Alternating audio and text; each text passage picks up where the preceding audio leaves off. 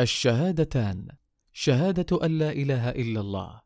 حديثنا اليوم عن أركان الإسلام وهي الأركان الخمسة التي يقوم عليها دين الإسلام. قال رسول الله صلى الله عليه وسلم بني الإسلام على خمس شهادة أن لا إله إلا الله وأن محمدا عبده ورسوله وإقام الصلاة وإيتاء الزكاة وحج البيت وصوم رمضان. متفق عليه. فالركن الأول هو الشهادتان شهادة أن لا إله إلا الله وأن محمد رسول الله.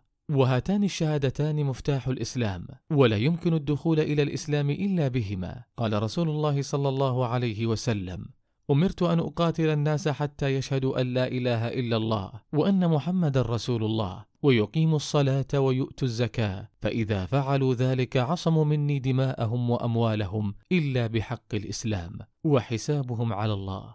رواه البخاري. وقال صلى الله عليه وسلم من كان آخر كلامه لا إله إلا الله دخل الجنة. رواه أبو داود.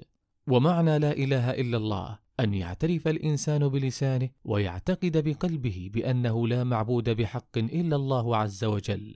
أما المعبودات سواه فإنها باطلة وعبدت بالباطل. فلا إله إلا الله تعني نفي الألوهية الحقة عما سوى الله وإثباتها لله وحده. قال الله تعالى فمن يكفر بالطاغوت ويؤمن بالله فقد استمسك بالعروة الوثقى قال الإمام ابن القيم رحمه الله تعالى معنى الطاغوت ما تجاوز به العبد حده من معبود أو متبوع أو مطاع. وقال الإمام محمد بن عبد الوهاب رحمه الله تعالى والطواغيت كثيرون ورؤوسهم خمسة إبليس لعنه الله ومن عبد وهو راض ومن دعا الناس إلى عبادة نفسه ومن ادعى شيئا من علم الغيب ومن حكم بغير ما أنزل الله. والغاية العظمى من إرسال الرسل هو توحيد الله تعالى وإفراده بالعبادة. قال تعالى ولقد بعثنا في كل أمة رسولا أن اعبدوا الله واجتنبوا الطاغوت.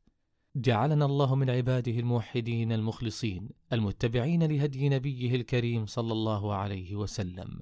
نكتفي بهذا القدر ونكمل بمشيئة الله في اللقاء القادم الحديث عن معنى شهادة أن محمد رسول الله صلى الله عليه وسلم.